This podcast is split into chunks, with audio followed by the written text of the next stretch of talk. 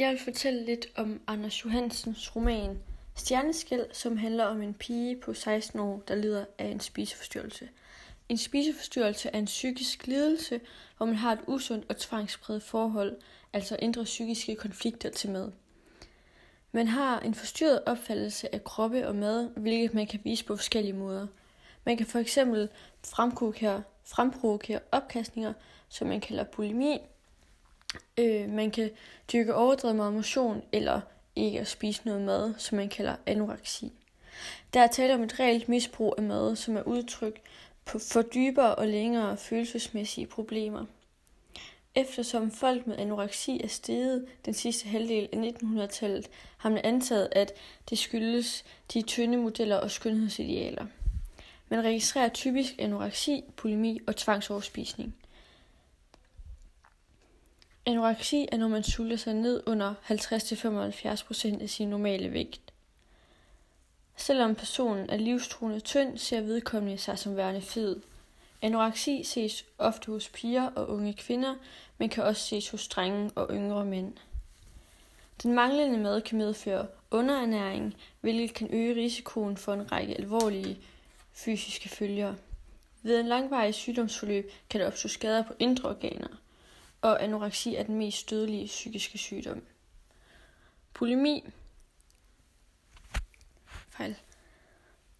Bulimi er, når man bevidst kaster op. Man kan indtage store mængder mad, især usundt, og så bagefter bevidst kaste op.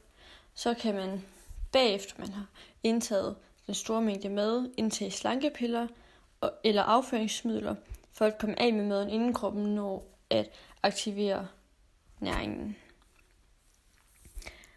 Øhm, bulimi er, når man bevidst kaster op. Man kan indtage store mængder mad, især usundt, og bagefter kaste op igen. Efter man har kastet op, kan man indtage slankepiller eller afføringsmidler, for at komme af med maden, inden kroppen når indtage næringen. Tvangsoverspisning er, når man spiser langt mere end nødvendigt og indtager en stor mængde mad inden for meget kort tid. Man når ikke at tykke eller smage på maden, den rører bare ned. På trods af, at man føler, at man har det ubehageligt og føler sig overmæt, fortsætter man. Der findes næsten lige så mange kombinationer af spiseforstyrrelsessymptomer, som der findes mennesker med spiseforstyrrelse.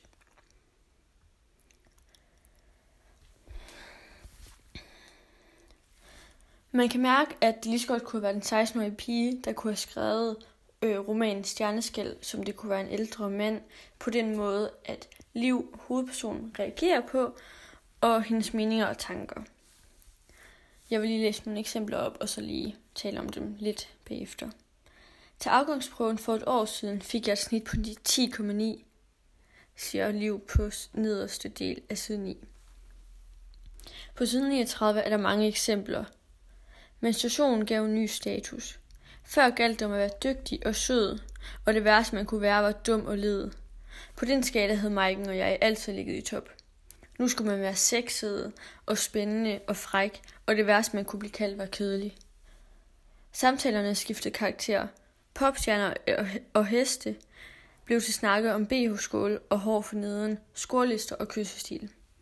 Indtil syvende havde Sissel og Alexandra haft absolut lav status, men nu var det dem, der rykkede. Der var fester for nogle udvalgte i slutningen af 8. klasse.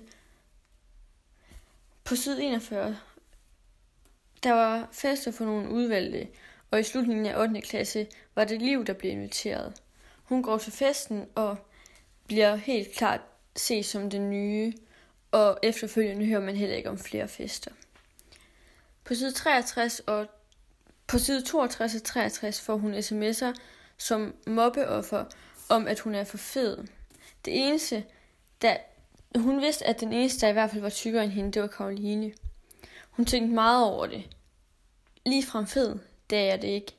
Eller hvad? Lidt butte måske. Efter sms'erne varede og målede hun sig sin BMI, så, og det var senere det, der førte til den her spiseforstyrrelse. På side 69 og 100 på side 69 og 127 ved hun uden hjælp, hvor mange kalorier der er i øh, noget forskellig mad, og det går hun meget op i. På side 125, hvor hun, over, hvor hun overspiser og derefter kaster op, får hun det dårligt med sig selv, som en, og hun ser det som en form for straf, at hendes krop gjorde det, uden hun sådan rigtig var bevidst om det.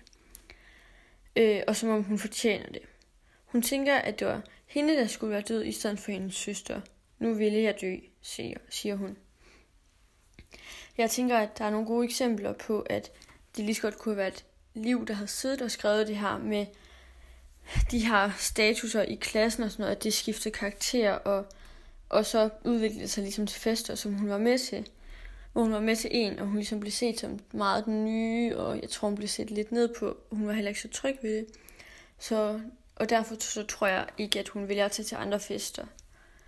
Øhm, så det her med, at hun ved, ligesom, hvor mange kalorier der er i forskellige mad, øhm, det betyder nok også meget for hende, at hun, når hun skal spise noget, at hun ved, at det ikke er virkelig mange kalorier i, som der er i slik og chokolade og chips, Øh, men måske så vælge at tage noget agurk eller noget, som ikke er særlig meget kalorier i. Øhm, og jeg tror, det der, noget af det, der medfører hendes spiseforstyrrelse, det er de her beskeder, hun får som mobbeoffer med, at hun er for fed, øhm, hvor hun ligesom begynder at veje sin BMI, og det gør hun, det hører man om, at hun gør flere gange, øhm, og ser ligesom sin udvikling i det. Jeg synes både, der er fordele og ulemper ved at læse sådan en bog. bog. Jeg synes både, der er ting for og imod at læse øhm, bogen Stjerneskæld, bogen eller romanen Stjerneskæld, fordi at øhm, som læser kan man godt få et indblik i, hvad det er, der kan føre ud i en spiseforstyrrelse. Øh, og man kan også godt få et indblik i, hvordan det er at spiseforstyrrelse, hvordan man føler det, og hvordan man skal hjælpe og reagere som læser på en, der har spiseforstyrrelse. Imod det kan godt også få læseren til at tænke på sin egen vægt, øh, og få sig selv til at se tyk ud. Og det kan også godt give læseren dårlige idéer til at tabe sig. Det her med at sulte sig selv og dyrke alt for meget motion, så man til sidst ikke har noget i kroppen og er helt splejs. Og er en splice. Glem det. Bogen det giver også på samme måde et dårligt råd til læseren. Det her med at holde det for sig selv. Holde det for sig selv, at hun har det dårligt øhm, med hendes søsters, efter hendes søsters død. Og det her med, at hun får de her øhm, mobbe-sms'er. Øhm, så holder hun ligesom så for sig selv, at hun dyrker så meget motion, at hun sulter sig selv osv. I stedet for at tale med nogen om det. Ens forældre, eller hvis man nu ikke øhm, kan fortælle det til ens forældre, at man ikke synes, man kan det, så ens lærer, læge eller sundhedsplejerske.